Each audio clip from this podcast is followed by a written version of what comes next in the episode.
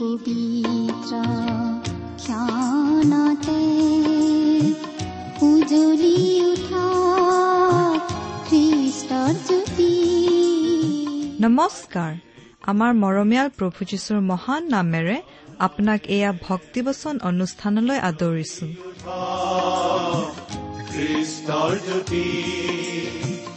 আকাশ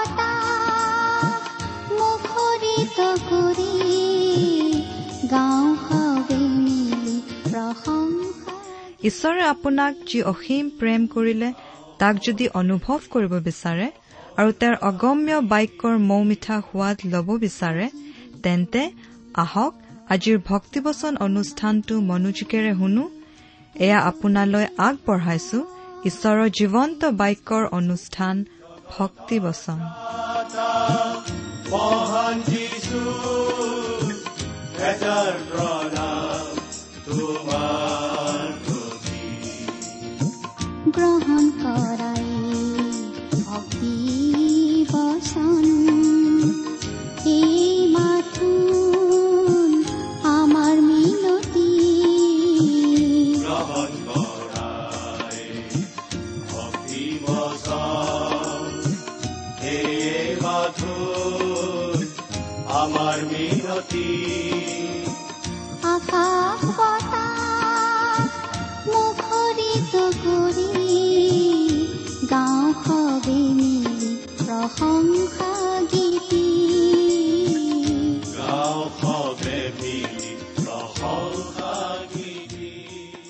আমাৰ পৰম পবিত্ৰ প্ৰভু যীশুখ্ৰীষ্টৰ নামত নমস্কাৰ প্ৰিয় শ্ৰোতা। এই ভক্তিবচন অনুষ্ঠানৰ জৰিয়তে পুনৰ আপোনালোকক লগ পাই অতিশয় আনন্দিত হৈছোঁ।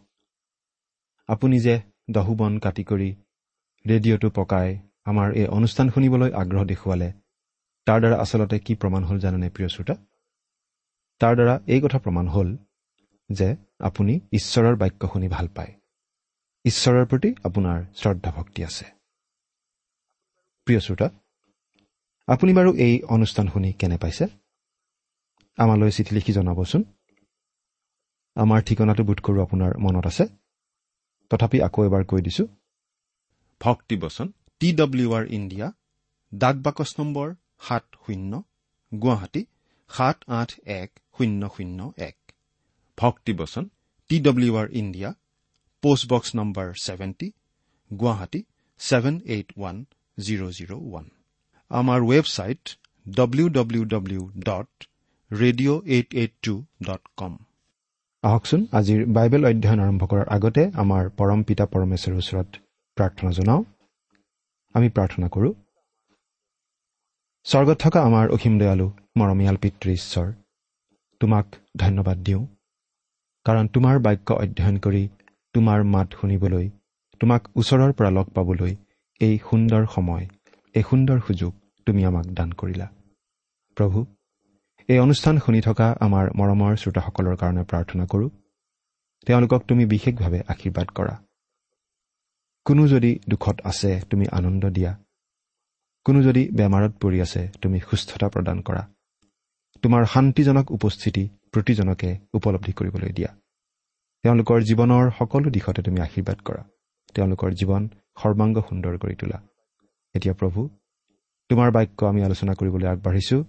তুমি আমাক সহায় কৰা যাতে তোমাৰ বাক্য আমি বুজি পাব পাৰোঁ। প্ৰভু যীশুখ্ৰীষ্টৰ যোগেদি তুমি যি দান সকলোৰে বাবে আগবঢ়াইছা সেই দানৰ তাৎপৰ্য বুজি পাবলৈ আমাৰ চকু মুকলি কৰা।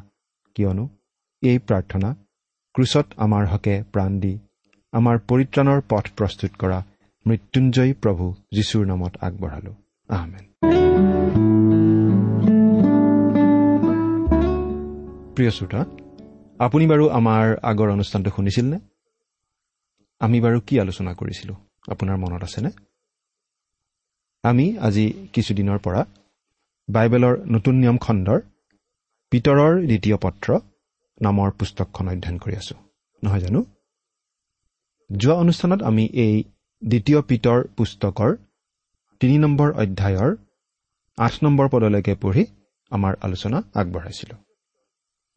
এই দ্বিতীয় পিতৰ পুস্তকৰ তিনি নম্বৰ অধ্যায়ত আমি এটা কথা বিশেষভাৱে পাইছোঁ।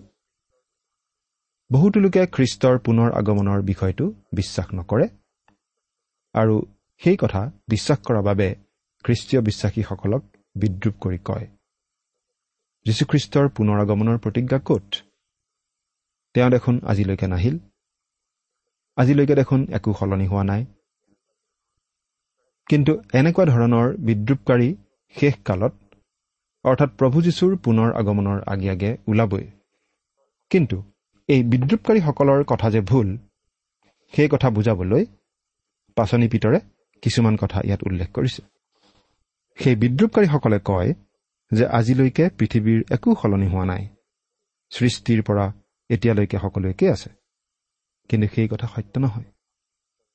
অতীতৰ জগতখন ঈশ্বৰে জলপ্লাৱনৰ দ্বাৰা ধ্বংস কৰিছিল। আৰু বৰ্তমানে আমি যিখন জগত দেখি আছো এইখনো চিৰদিন নাথাকে। এই জগতখন ঈশ্বৰে এদিন বিচাৰ কৰি দণ্ড বিহিব জুইৰ দ্বাৰা। এই জগতখন জুইৰ দ্বাৰা বিনষ্ট হবলৈ ৰক্ষিত হৈ আছে। আমি এই কথাও উল্লেখ কৰিছিলোঁ যে প্ৰভু যীশু প্ৰথমতে আহি এই পৃথিৱীৰ পৰা খ্ৰীষ্টীয় বিশ্বাসীসকলক উঠাই লৈ যাব। তাৰ পাছত পৃথিৱীত আৰম্ভ হ'ব সাত বছৰজোৰা মহাক্লেশ। আৰু সেই মহাক্লেশৰ অন্তত প্ৰভু যীশু প্ৰচণ্ড প্ৰতাপেৰে আহিব। এই পৃথিৱীত তেওঁৰ ন্যায় শাসন প্ৰতিষ্ঠা কৰিবলৈ। তেওঁ এহেজাৰ বছৰ শাসন কৰিব। আৰু তাৰ পাছত এই জগতখন জুইৰ দ্বাৰা সম্পূৰ্ণৰূপে বিনষ্ট কৰি নতুন আকাশমণ্ডল আৰু পৃথিৱী সৃষ্টি কৰা হ'ব। পাচনি পিতৰে এই বুলিও উল্লেখ কৰিছে যে ঈশ্বৰৰ কাৰণে আমাৰ এহেজাৰ বছৰেই এদিনৰ নিচিনা আৰু এদিনেই এহেজাৰ বছৰৰ নিচিনা। অৰ্থাৎ আমাৰ সময়সীমাৰে আমি ঈশ্বৰক জুখিব নোৱাৰোঁ। ঈশ্বৰৰ যি সময়সূচী সেই সময়সূচী আমাৰ সীমিত জ্ঞানেৰে ব্যাখ্যা কৰিবও নোৱাৰোঁ। আজি আমি ন নম্বৰ পদৰ পৰা আমাৰ আলোচনা আৰম্ভ কৰিব খুজিছোঁ। আপোনাৰ বাইবেলখন মেলি লৈছেনে বাৰু? বাইবেলৰ পৰা পাঠ কৰি দিম। দ্বিতীয় পিতৰ তৃতীয় অধ্যায় ন নম্বৰ পদ পাঠ কৰি দিছোঁ। কোনো কোনোৱে যিহক পলম কৰা যেন জ্ঞান কৰে প্ৰভুৱে নিজ প্ৰতিজ্ঞাৰ কথাত তেনে পলম নকৰে। কোনো যেন বিনষ্ট নহয় কিন্তু সকলো যেন মন পালটনত প্ৰবৃত্ত হয় তেওঁ এনে ইচ্ছা কৰি তোমালোকলৈ দীৰ্ঘ সহিষ্ণু হয়। কিন্তু চোৰৰ নিচিনাকৈ প্ৰভুৰ দিন আহিব। বহুতো লোকে আজি ক'ব পাৰে যে ঈশ্বৰে কিয় ইমান পলম কৰি আছে? প্ৰভু যীশুনো সোনকালে নাহে কিয়? তেওঁ আহি দোষীবোৰক সোনকালে শাস্তি নিদিয়ে কিয়? তেওঁ নিজৰ প্ৰতিজ্ঞা পালনত ইমান দেৰি কৰি আছে কিয়? এই কথাটোৰ উত্তৰ ইয়াতেই অতি পৰিষ্কাৰভাৱে আমাক জনাই দিয়া হৈছে। বাইবেলত এই কথাটো বাৰে বাৰে উল্লেখ কৰা হৈছে যে ঈশ্বৰ দীৰ্ঘ সহিষ্ণু তেওঁ অসীম ধৈৰ্যশীল। তেওঁ দৌৰা দৌৰিকৈ যধে মধে একো কাম নকৰে। তেওঁৰ পাছতো আছে অনন্তকাল আৰু আগতো আছে অনন্তকাল। তেওঁ সময়ৰ কথা ভাবি মূৰ ঘমাব নালাগে। তেওঁৰ কাৰণে এহেজাৰ বছৰেই এদিনৰ নিচিনা আৰু এদিনেই হাজাৰ বছৰৰ নিচিনা। কিন্তু এই কথাটো খাটাং যে সেই শেষ বিচাৰৰ দিনটো কিন্তু আহি আছে। এই পৃথিৱী আৰু আকাশমণ্ডল নতুনকৈ সৃষ্টি কৰিব লগা দিনটো আহি আছে। আৰু ইতিমধ্যে তেওঁ সকলো ঠাইৰ সকলো অৱস্থাৰ মানুহক মন পালটন কৰি তেওঁলৈ ঘূৰিবলৈ সুযোগ দি আছে। আৰু এই সুবিধা তেওঁ দিব খুজিছে বাবেই অহাত পলম কৰিছে। এই কথাটো মনত ৰাখি আমি খ্ৰীষ্টীয় বিশ্বাসীসকলে ঈশ্বৰৰ বাক্য প্ৰভু যীশুৰ শুভবাৰ্তা বিয়পাই দিয়া কামত মনোনিৱেশ কৰা উচিত নহয়নে বাৰু? একমাত্ৰ ঈশ্বৰৰ বাক্যইহে মানুহৰ হৃদয় সলনি কৰিব পাৰে। মানুহৰ জীৱন সলনি কৰি দিব পাৰে। ঈশ্বৰৰ বাক্যৰ যোগেদিয়েই মানুহে নতুন জন্ম লাভ কৰে। এই কথাটো পাচনি পিতৰেই প্ৰথমখন পত্ৰত এনেদৰে উল্লেখ কৰি আহিছে। কিয়নো তোমালোক ক্ষয়নীয় বীজৰ পৰা নহয় অক্ষয় বীজৰ পৰা অৰ্থাৎ ঈশ্বৰৰ জীৱনময় আৰু চিৰস্থায়ী বাক্যৰ দ্বাৰাই পুনৰ জন্ম পোৱা হৈছে। প্ৰথম পিতৰ প্ৰথম অধ্যায় তেইছ পদ। কোনো যেন বিনষ্ট নহয় কিন্তু সকলো যেন মন পালটনত প্ৰবৃত্ত হয়। তেওঁ এনে ইচ্ছা কৰি তোমালোকলৈ দীৰ্ঘ সহিষ্ণু হয়। প্ৰিয় শ্ৰোতা ঈশ্বৰে কাকো বিনষ্ট হোৱাটো নিবিচাৰে। আপুনি বিনষ্ট হোৱাটো তেওঁ নিবিচাৰে। আপুনি যে আজি এই বিশেষ অনুষ্ঠানৰ যোগেদি ঈশ্বৰৰ বাক্য শুনি আছে তাৰ এটা প্ৰধান কাৰণ হ'ল এইয়ে যে আপুনি সুধ বিচাৰলৈ যাতে আহিব লগা নহয় সেইটো ঈশ্বৰে কামনা কৰে। আপোনাক মৃত্যুৰ পৰা জীৱনলৈ পাৰ হোৱাটো তেওঁ কামনা কৰে। সেইটো আপুনি কৰিব পাৰে যদিহে আপুনি ইতিমধ্যে কৰা নাই। আপুনি তেওঁৰ কাষ চাপি আহি প্ৰভু যীশুৰ যোগেদি যি অমূল্য পৰিত্ৰাণ আগবঢ়োৱা হৈছে সেই পৰিত্ৰাণ গ্ৰহণ কৰিব পাৰে। প্ৰিয় শ্ৰোতা আপুনি বাৰু এটা কথা কেতিয়াবা চিন্তা কৰি চাইছেনে? ঈশ্বৰে আপোনাক প্ৰেম কৰে। আৰু আপোনাক প্ৰেম কৰাত আপুনি ঈশ্বৰক বাধা দিব নোৱাৰে। তেওঁৰ প্ৰেম আপুনি প্ৰত্যাখ্যান কৰিব পাৰে। কিন্তু তেওঁক আপুনি বাধা দিব নোৱাৰে আপোনাক প্ৰেম কৰাত। আপুনি জানো বৰষুণ দিয়াত বাধা দিব পাৰে। ছাতি মেলি লৈ আপোনাৰ গাত বৰষুণ পৰাত আপুনি হয়তো বাধা দিব পাৰে। কিন্তু বৰষুণ দিয়াততো আমি ঈশ্বৰক বাধা দিব নোৱাৰোঁ। প্ৰিয় শ্ৰোতা আমি অমনোযোগিতাৰ ছাতি বা পাপৰ ছাতি বা হয়তো বিদ্ৰোহৰ ছাতি মেলি ধৰি থাকিব পাৰোঁ যাতে আমি ঈশ্বৰৰ প্ৰেম অনুভৱ নকৰোঁ। কিন্তু ঈশ্বৰে আমাক অনবৰতেই প্ৰেম কৰি থাকে। আৰু সেই কথাত আমি তেওঁক বাধা দিব নোৱাৰোঁ। এইখিনিতে আমি এটা কাহিনী ক'ব খুজিছোঁ। এইটো আচলতে গ্ৰীকসকলৰ মাজত প্ৰচলিত এটি পৌৰাণিক সাধুকথা। এজন ডেকাৰ এগৰাকী ভাল আদৰ্শ মাতৃ আছিল। কিন্তু সেই ডেকাজনে এগৰাকী অতি কুস্বভাৱৰ ছোৱালীৰ প্ৰেমত বলিয়া হ'ল। সেই কুস্বভাৱৰ ছোৱালীজনীয়ে ডেকাজনৰ মাকক কোনোমতেই সহ্য কৰিব নোৱাৰিছিল। মাকে যে ছোৱালীজনীক কিবা গালি খপনি পাৰিছিল এনে নহয়? কিন্তু মাকগৰাকীৰ সুন্দৰ আদৰ্শ স্বভাৱ চৰিত্ৰৰ আগত সেই কুস্বভাৱৰ ছোৱালীজনীয়ে থাকিবলৈ খুব অস্বস্তিবোধ কৰিছিল। আৰু সেইকাৰণে ডেকাজনৰ মাকক চকু পাৰি দেখিব নোৱাৰিছিল। তথাপি সেই ডেকাজনে ছোৱালীজনীক এৰিব পৰা নাছিল কাৰণ ছোৱালীজনীক তেওঁ অতিপাত ভাল পাইছিল। এদিন ডেকাজনে গৈ ছোৱালীজনীৰ আগত বিবাহৰ প্ৰস্তাৱ দিলে। ছোৱালীজনীয়ে ক'লে বিয়া হ'ব পাৰে। কেৱল এটা চৰ্তত। তুমি তোমাৰ মাক হত্যা কৰি তেওঁৰ কলিজাটো আনি মোক দিব লাগিব। সেই ডেকাজন ছোৱালীজনীৰ প্ৰেমত অন্ধ হৈ পৰিছিল আৰু ছোৱালীজনীৰ কথামতেই ডেকাজনে নিজৰ মাতৃক হত্যা কৰিলে আৰু মাকৰ কলিজাটো লৈ ছোৱালীজনীক দিবলৈ বুলি আগবাঢ়িল। কিন্তু যাওঁতে উজুতি খাই ডেকাজন পৰি গ'ল। তেতিয়া মাকৰ কলিজাটোৱে মাত লগালে বাচা দুখ পালা নেকি? প্ৰিয় শ্ৰোতা আপুনি ঈশ্বৰক অৱমাননা কৰিব পাৰে তেওঁৰ প্ৰতি পিঠি দিব পাৰে তেওঁৰ নিন্দা কৰিব পাৰে কিন্তু আপোনাক প্ৰেম কৰাৰ পৰা তেওঁক বাধা দিব নোৱাৰে। আপোনাক পৰিত্ৰাণ দিবলৈ ইচ্ছা কৰি থকাৰ পৰা তেওঁক আপুনি বাধা দিব নোৱাৰে। ঈশ্বৰে প্ৰতিজন মানুহকেই ভাল পায় আৰু প্ৰতিজন মানুহকেই উদ্ধাৰ পোৱাটো তেওঁ কামনা কৰে। সেইবাবেই তেওঁ নিজৰ একেজাত পুত্ৰ যীশুখ্ৰীষ্টক জগতলৈ পঠালে আৰু যীশুখ্ৰীষ্টই মানৱৰ পাপৰ ভাৰ নিজৰ গাত পাতি লৈ সমগ্ৰ মানৱৰ পাপৰ শাস্তি নিজে বহন কৰিলে ক্ৰুচৰ ওপৰত যাতে তেওঁক পৰিত্ৰাতা বুলি গ্ৰহণ কৰি মানুহে পাপৰ ক্ষমা লাভ কৰি পৰিত্ৰাণ পাব পাৰে। এই সুবিধা ঈশ্বৰে সকলো লোকলৈ আগবঢ়াই আছে। কোনো বাছ বিচাৰ নাই। যিকোনো লোকেই প্ৰভু যীশুক ত্ৰাণকৰ্তা বুলি গ্ৰহণ কৰি পৰিত্ৰাণ লাভ কৰিব পাৰে। কিন্তু প্ৰিয় শ্ৰোতা এই সুবিধা চিৰদিন নাথাকে। প্ৰভু যীশু যেতিয়া আকৌ আহিব প্ৰচণ্ড প্ৰতাপী ৰজা হিচাপে পৃথিৱীত তেওঁৰ ন্যায় শাসন প্ৰতিষ্ঠা কৰিবলৈ তেতিয়া গোটেই কথাবোৰ সলনি হৈ যাব। প্ৰভু যীশুৱে বিচাৰ কৰিব আৰু তেতিয়ালৈকেহে পৰিত্ৰাণৰ এই সুবিধাটো থাকিব। শেষ বিচাৰৰ দিন কেতিয়া আহিব আমি নাজানো। কিন্তু প্ৰভু যীশুৰ সেই আগমনৰ লগে লগে পৰিত্ৰাণৰ যি সুযোগ আজি মানুহে পাই আছে ঈশ্বৰৰ পৰা সেই সুযোগ বন্ধ হৈ যাব। সেইবাবেই প্ৰভুৱে সেই আগমনত পলম কৰি আছে আৰু অধিক অধিক মানুহক তেওঁ পৰিত্ৰাণৰ সুবিধা দি আছে। কিন্তু চোৰৰ নিচিনাকৈ প্ৰভুৰ দিন আহিব। চোৰ কোন সময়ত আহিব আমি ক'ব নোৱাৰোঁ। চোৰে চুৰ কৰিবলৈ আহে কোনেও গম নোপোৱাকৈ। তেনেকৈ প্ৰভুৰ দিনো আহিব। অতি আচম্বিতে। ৰাতি যেনেকৈ চোৰ আহে তেনেকৈ প্ৰভুৰ দিন আহিব।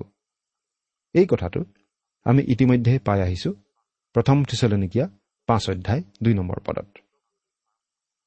প্ৰভুৰ দিন আৰম্ভ হ'ব এই পৃথিৱীত মহাক্লেশ আৰম্ভ হোৱাৰ লগে লগে। খ্ৰীষ্টীয় বিশ্বাসীসকলক এই পৃথিৱীৰ পৰা উঠাই লৈ যোৱাৰ ঠিক পাছতেই। সাত বছৰীয়া মহাক্লেশৰ সামৰণি হ'ব। প্ৰভু যীশু এই পৃথিৱীত ন্যায় শাসন চলাবলৈ অহাৰ লগে লগে। প্ৰভু যীশুৰ এহেজাৰ বছৰীয়া শাসনৰ অন্তত কিছু সময়ৰ বাবে ছয়তানে বিদ্ৰোহ কৰিব আৰু তাৰ পাছতেই হ'ব বগা সিংহাসনত বহি প্ৰভু যীশুৱে কৰা বিচাৰ।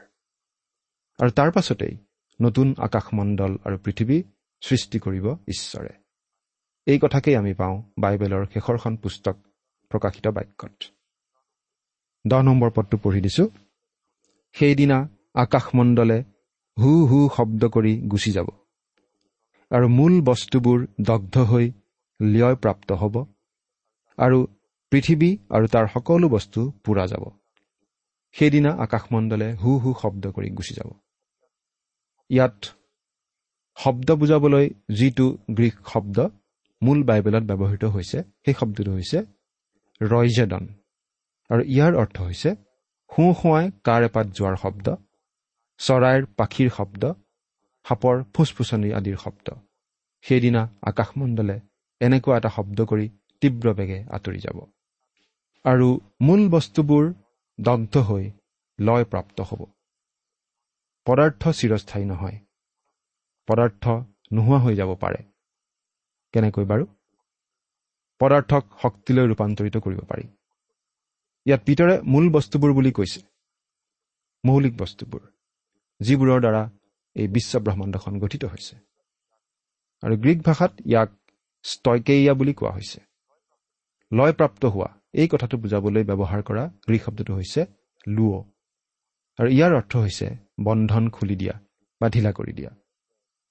আমি জানো যে পৰমাণুৰ বন্ধন খুলি দি বা পৰমাণুটো ভাঙি দি মানুহে আজি এটা সৰু বোমা তৈয়াৰ কৰিব পাৰিছে যিটোৰ শক্তি প্ৰচণ্ড। আজি মানুহে এই পাৰমাণৱিক শক্তিৰ ব্যৱহাৰৰ কথা চিন্তা কৰিবলৈ লৈছে কাৰণ শক্তিৰ আন আন উৎসবোৰ কমি আহিব ধৰিছে। মানুহে আজি এই সুন্দৰ পৃথিৱীখন প্ৰদূষিত কৰি নষ্ট কৰি পেলাব ধৰিছে। ঈশ্বৰে ৰাখি থোৱা শক্তিৰ ভাণ্ডাৰবোৰ মানুহে শেষ কৰি গৈ আছে। কিন্তু পদাৰ্থৰ ভিতৰতেই নিহিত হৈ আছে প্ৰচণ্ড শক্তি পাৰমাণৱিক শক্তি। এই শক্তিৰ কিমান প্ৰচণ্ড ৰূপ সেই কথা আমি ভালদৰে কল্পনাই কৰিব নোৱাৰোঁ। কিন্তু এদিন ঈশ্বৰে এই পৃথিৱীখন ধ্বংস কৰিব। মূল বস্তুবোৰ লয়প্ৰাপ্ত কৰিব। আৰু সেইদিনা কি যে এটা প্ৰচণ্ড ঘটনা ঘটিব ভাবিবলৈ চেষ্টা কৰকচোন। আমি ভাবোঁ সেইদিনা পৃথিৱীখন এটা প্ৰচণ্ড পাৰমাণৱিক বোমাৰ দৰে বিস্ফোৰিত হৈ নোহোৱা হৈ যাব। অৰ্থাৎ শক্তিত ৰূপান্তৰিত হ'ব। আৰু পৃথিৱী আৰু তাৰ সকলো বস্তু পূৰা যাব। সকলো বস্তু মানে মাটি পানী সকলো। একো বস্তুৱেই বাদ নাযাব। সকলো লয়প্ৰাপ্ত হ'ব। এতিয়া হয়তো কোনোবাই ক'ব পাৰে পানীবোৰনো কেনেকৈ পূৰা যাব? প্ৰচণ্ড শক্তিৰে পানীৰ অণুবোৰ বিভাজিত কৰিলে আমি হাইড্ৰজেন আৰু অক্সিজেন গেছৰ পৰমাণু পাওঁ। হাইড্ৰজেন আৰু অক্সিজেন গেছ ভীষণভাৱে দাহ্য গেছ। মুঠতে পৃথিৱীত থকা সকলো বস্তুৱেই লয়প্ৰাপ্ত হ'ব। কি ধৰণে হ'ব সেইটো আমি কেৱল অনুমানহে কৰিব পাৰোঁ খাটাংকৈ কোনেও ক'ব নোৱাৰোঁ। কিন্তু খাটাংকৈ এই কথাই ক'ব পাৰোঁ যে এই পৃথিৱীখন ঈশ্বৰে ধ্বংস কৰিব আৰু এখন নতুন পৃথিৱীৰ সৃষ্টি কৰিব। পাচনি পিতৰে আমাক জনাই দিছে যে অতীতত যেনেকৈ ঈশ্বৰে এই পৃথিৱীখনৰ বিচাৰ কৰি দণ্ড বিহিছিল ঠিক তেনেকৈ ভৱিষ্যতেও তেওঁ কৰিব। সেই বিদ্ৰূপকাৰীবিলাকে কয় পৃথিৱীখন একেই আছে। একোতো সলনি হোৱা নাই। কিন্তু সেই কথা সঁচা নহয়। এই পৃথিৱীখন এসময়ত ধ্বংসপ্ৰাপ্ত হৈছিল। এই পৃথিৱীখনত প্ৰচণ্ড উত্থান পতন হৈছিল। প্ৰচণ্ড আলোড়ন হৈছিল। এই কথা ভূতত্ববিদসকলেও আজি মানি লয়। প্ৰিয় শ্ৰোতা প্ৰভুৰ দিন আহিব। প্ৰভুৰ দিন আহিব আচম্বিতে অকস্মাতে। এই প্ৰভুৰ দিনৰ কথা পুৰণি নিয়মৰ দিনত ভাৱবাদীসকলেও কৈছিল। এই প্ৰভুৰ দিনৰ কথা প্ৰভু যীশুৱেও কৈছিল। আৰু নতুন নিয়মৰ আন বহুতো লিখকেও এই প্ৰভুৰ দিনৰ কথা উল্লেখ কৰিছে। এই প্ৰভুৰ দিন আৰম্ভ হ'ব মহাক্লেশৰ অন্ধকাৰেৰে। মহাক্লেশৰ অন্তত প্ৰভু যীশুখ্ৰীষ্ট আহিব। প্ৰবল প্ৰতাপী ৰজা হিচাপে গৌৰৱ মহিমা প্ৰতাপেৰে। এই পৃথিৱীত তেওঁৰ এহেজাৰ বছৰীয়া ন্যায় শাসন প্ৰতিষ্ঠা কৰিবলৈ। তাৰ পাছত কিছুদিনৰ বাবে ছয়তানক মুকলি কৰি দিয়া হ'ব। আৰু তাৰ পাছতেই হ'ব বগা সিংহাসনত বহি প্ৰভু যীশুৱে কৰা বিচাৰ। আৰু তাৰ পাছতেই এই পৃথিৱীখন সম্পূৰ্ণৰূপে ধ্বংস কৰি নতুন আকাশমণ্ডল আৰু নতুন পৃথিৱী ঈশ্বৰে সৃষ্টি কৰিব। এই সকলোবিলাক কথা আজি আমাক জনাই দিয়া হৈছে। এতিয়া আমি এঘাৰ নম্বৰ পদটো পাঠ কৰিম।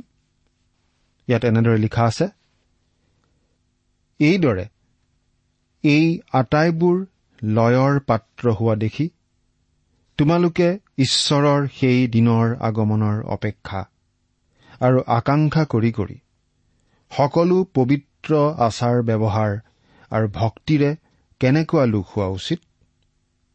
প্ৰিয় শ্ৰোতা এতিয়া পাচনি পিতৰে আমাক এই বুলি কৈছে যে এই যিমানবিলাক কথা আমি পালো সেই যে প্ৰভুৰ দিন সেই প্ৰভুৰ দিনত কেনেদৰে প্ৰভু যীশু আহিব ইত্যাদি ইত্যাদি কথাবোৰ।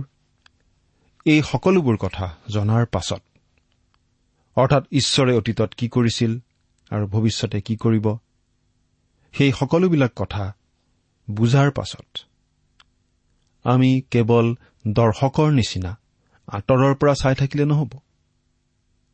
কেৱল কথাবোৰ সমালোচনা কৰি থাকিলেও নহ'ব। প্ৰিয় শ্ৰোতা আনক সমালোচনা কৰা খুব সহজ। কিন্তু খ্ৰীষ্টীয় বিশ্বাসী হিচাপে আমি বাৰু কি কৰি আছো? ঈশ্বৰৰ বাক্য বিয়পাই দিয়া কামটোত আমি বাৰু কেনেদৰে ভাগ লৈ আছো? ভাগ লৈছোনে বাৰু? আজিৰ এই বিশেষ সময়ত প্ৰতিজন খ্ৰীষ্টীয় বিশ্বাসী প্ৰতিটো খ্ৰীষ্টীয় মণ্ডলী আৰু প্ৰতিজন পালকৰ বাবে এইটো এটা গুৰুত্বপূৰ্ণ প্ৰশ্ন। গীৰ্জাঘৰত বহি থকা প্ৰতিজন খ্ৰীষ্টীয় লোকে নিজকে এনেদৰে কোৱা উচিত। মই পালক বা মণ্ডলীৰ নেতা চলাওঁতাসকলক সমালোচনা কৰাৰ সময় নাই। আন খ্ৰীষ্টীয় বিশ্বাসীসকলক সমালোচনা কৰি থকাৰ সময় নাই। সময় উকলি যাব ধৰিছে। মোৰ কাম হৈছে ঈশ্বৰৰ বাক্য বিয়পাই দিয়াত কিবা নহয় কিবা প্ৰকাৰে সহায় কৰা। সেই বিষয়ে মইনো কি কৰিছো? মই কিবা এটা কৰা উচিত। এৰা প্ৰতিজন খ্ৰীষ্টীয় বিশ্বাসীয়ে আজি এনেদৰে কোৱা উচিত। এতিয়া পাঠ কৰি দিম। বাৰ নম্বৰ পদ। সেইদিনৰ কাৰণে আকাশমণ্ডল পুৰি লয়প্ৰাপ্ত হ'ব আৰু মূল বস্তুবোৰ দগ্ধ হৈ গলি যাব। এৰা সেইদিনা আকাশমণ্ডল পুৰি লয়প্ৰাপ্ত হ'ব। আৰু মূল বস্তুবোৰ পুৰি দগ্ধ হৈ গলি যাব। তাৰ পাছতেই আৰম্ভ হ'ব অনন্তকলীয়া নতুন আকাশমণ্ডল আৰু নতুন পৃথিৱী। আৰু আমি তাত বাস কৰিবলৈ পাম। অনন্তকালৰ বাবে প্ৰভু যীশুৰ লগত। প্ৰতিজন খ্ৰীষ্টীয় বিশ্বাসীয়েই তাত আমি বাস কৰিবলৈ পাম। প্ৰিয় শ্ৰোতা এবাৰ চিন্তা কৰি চাওকচোন। এই সকলোবিলাক কথা লিখিছিল পাচনি পিতৰে। কোন আছিল সেই পিতৰ? এজন অতি সাধাৰণ মাছমৰীয়া মানুহ আছিল। কিন্তু তেওঁই এই চমকপ্ৰদ কথাবোৰ লিখিছিল ঈশ্বৰৰ আত্মাৰে পৰিচালিত হৈ। তেওঁ হয়তো কথাবোৰ নিজে ভালদৰে বুজি পোৱা নাছিলো। কিন্তু কথাবোৰ নিজে ভালদৰে নুবুজিলেও ঈশ্বৰৰ আত্মাৰ অনুপ্ৰেৰণাতেই অতি স্পষ্টভাৱে এই কথাবোৰ তেওঁ লিখিছিল। আজি আমি এই সকলো কথা জানিবলৈ পাইছো আৰু এয়া হৈছে ঈশ্বৰৰ বাক্য। এই বাক্য কেতিয়াও অথলে নাযায়? এই সকলো কথা জনাৰ পাছত আমি বাৰু কেনেকুৱা জীৱন কটোৱা উচিত? প্ৰভু যীশুকেই ত্ৰাণকৰ্তা আৰু প্ৰভু বুলি গ্ৰহণ কৰি তেওঁৰে বাধ্য হৈ পবিত্ৰভাৱে জীৱন কটোৱা উচিত নহয়নে বাৰু? চিন্তা কৰি চাওকচোন। ঈশ্বৰে আপোনাক আশীৰ্বাদ কৰক। আমেন।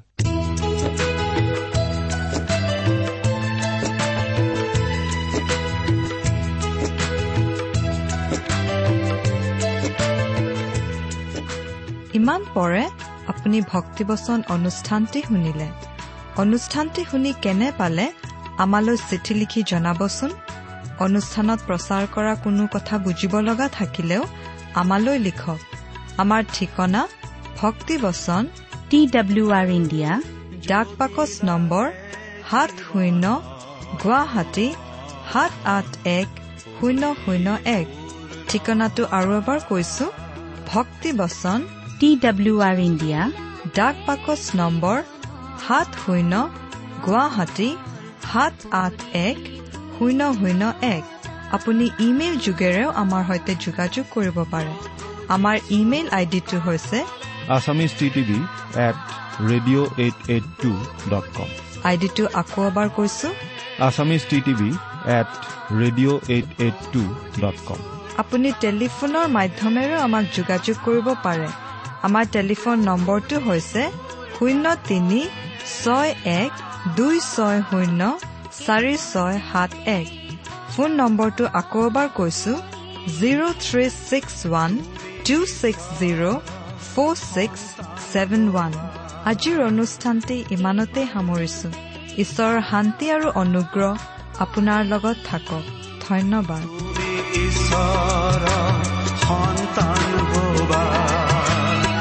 যদি লাগে জীৱন